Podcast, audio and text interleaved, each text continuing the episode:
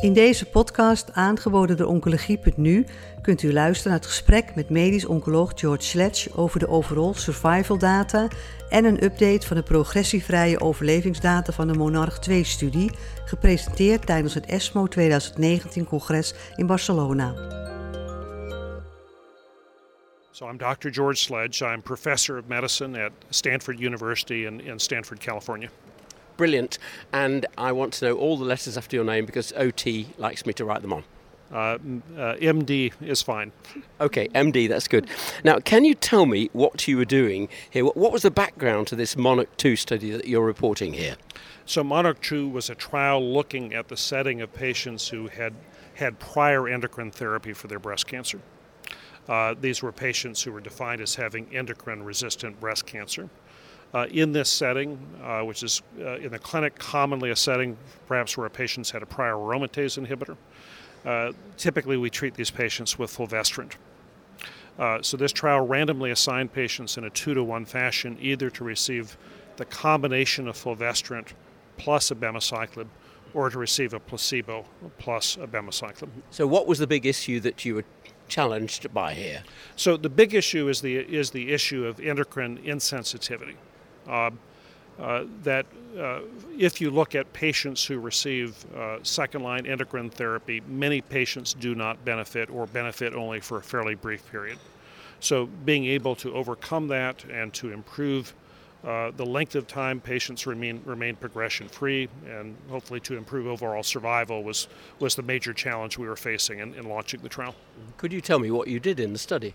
So, as I mentioned in the study, we randomly assigned patients in a two to one fashion, either to the combination uh, or, uh, or, or to placebo plus fulvestrant, and then followed patients until progression uh, or, or death. And how many patients did you look at? So, this was a trial, uh, I'm going to get the numbers wrong. Uh, uh, I, I, I, I apologize. I will Oh. absolutely get the numbers wrong. So, uh, uh, but it, it- all I can say is, you know, it was a well-powered trial. Yeah, yeah, okay. Now, um, Yeah. could you tell me about patient selection for this study? So these were patients who were defined as having endocrine-resistant breast cancers. Uh, these these were uh, patients who had either uh, been on an adjuvant endocrine therapy and then progressed while on an adjuvant or neoadjuvant endocrine therapy, or within one year of having received adjuvant endocrine therapy.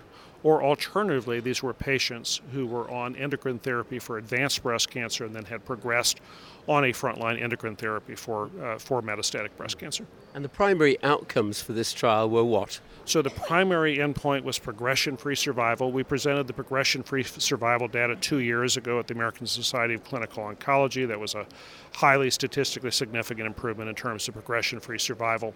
Uh, here at ESMO, we presented the overall survival data, as well as an update on progression-free survival, uh, along with an exploratory endpoint of, of time to chemotherapy. And briefly, what were the numbers coming out of this? So, in terms of progression free survival, we saw essentially identical results to what we saw uh, two years ago. I'd say the interesting update in terms of progression free survival is that we did a landmark an- analysis at three years. And if you look at three years at progression free survival, roughly three times as many patients are progression free at three years on the combination compared to the, the placebo arm. So, uh, roughly three times is, in essence, 30% versus 10% uh, at, th- at three years are progression free. Uh, and so that you know that's certainly an important difference.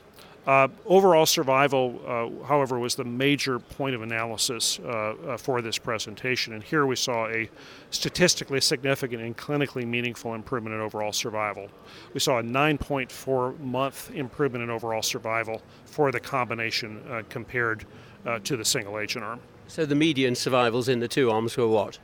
So uh, roughly, uh, uh, I'm going to get the numbers wrong, uh, wrong again, uh, for which I for which I apologize. Uh, but I'll check uh, up on this later, but yes, go ahead. Thank you. Uh, but I think it's uh, uh, I want to say uh, 37 and 46 months. Hmm. Yeah, so a nine, nine, it's a nine, in a, another, but a 9.4 improve, month improvement in overall survival. Now, I, I want to ask you about the clinical lessons, but 1st Mm-hmm. of all, could you take a side trip to explain to me a little bit about abemaciclib? What is it about this agent? What does it do? And, and how different is it in this application? Sure. So, abemaciclib is an inhibitor of uh, CDKs 4 and 6. CDKs 4 and 6 are part of the cyclin D pathway uh, that leads to cell division. Uh, cyclin D uh, stimulates CDKs 4 and 6. Uh, downstream, this results uh, in the uh, release of uh, uh, RB from E2F, which in turn kicks cells into cycle. Right, now why is that a big help in combination then with fulvestrant?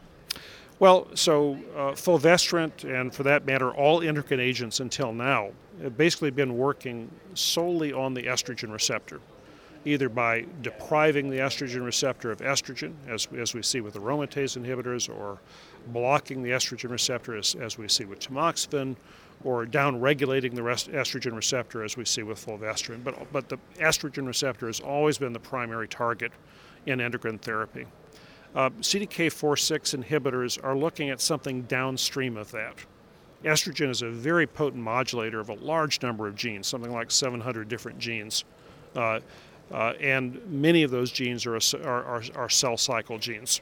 So upstream, we're blocking the estrogen receptor itself with, with, with fulvestrant. Downstream, we're affecting uh, uh, cell cycle progression uh, with the CDK4/6 inhibitors. Now, with this combination, what additional toxicities did you see? Mm-hmm. So, there are class toxicities with all of these agents. So, neutropenia, for instance, is seen with all of these agents. Uh, neutropenia is a, a, bit less with abemaciclib than it, than it is with palbociclib or ribociclib. Uh, in contrast, we see uh, more diarrhea with abemaciclib uh, than we do with palbociclib, uh, palbociclib, palbociclib and ribociclib.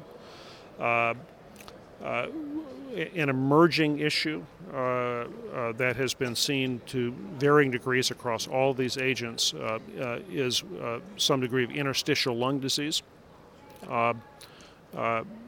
we don't, I'd say, don't have great cross trial comparisons yet uh, for this, but it's certainly something that has been seen with all three agents, albeit uh, this is more of a low single digit side effect as opposed to the more common side effects.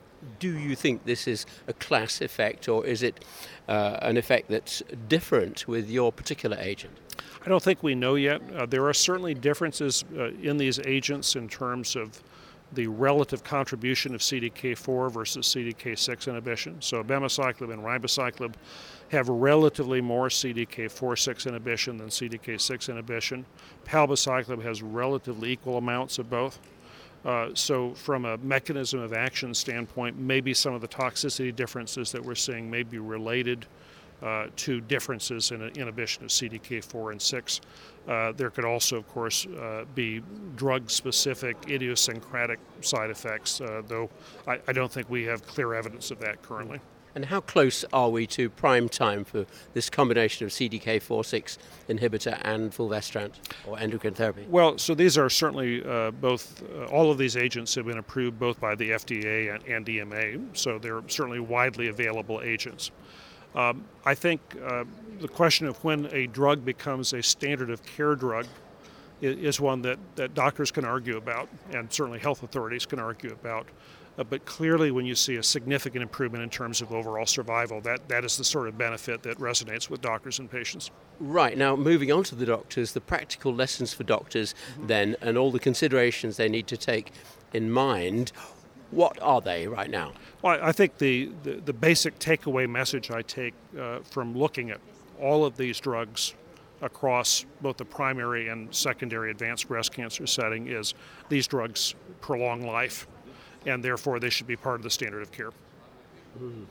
And in the case of your patients, what is your standard approach nowadays? Well, I uh, typically uh, treat patients with a CDK4/6 inhibitor uh, as part of the frontline therapy for estrogen receptor positive breast cancer.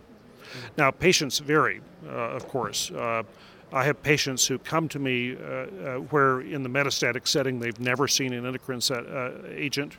I have patients who received adjuvant endocrine therapy five years ago and have been off an endocrine therapy for some time, and I have patients who have progressed right through uh, an adjuvant endocrine therapy or who have progressed through a endocrine therapy for advanced disease. So these are slightly different clinical settings where we might use these drugs in slightly different ways.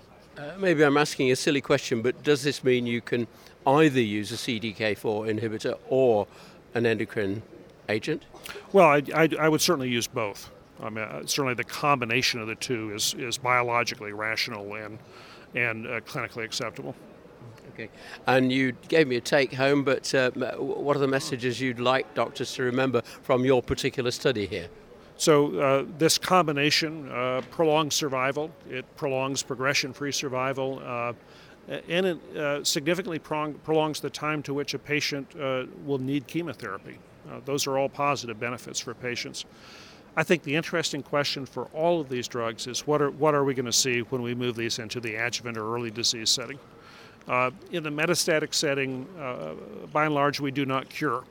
And I, I don't know that CDK4-6 inhibitors have, have changed that uh, uh for, uh, for patients. But in the adjuvant setting, that's a setting where we look to cure patients. Uh, and if these agents, if these, these agents' survival benefit uh, in the metastatic setting uh, translates to an improvement in distant disease free survival, that may well increase the cure rate for patients with ER positive uh, disease. Thank you. Bent u geïnteresseerd in meer podcasts? Deze zijn te vinden op de website oncologie.nu.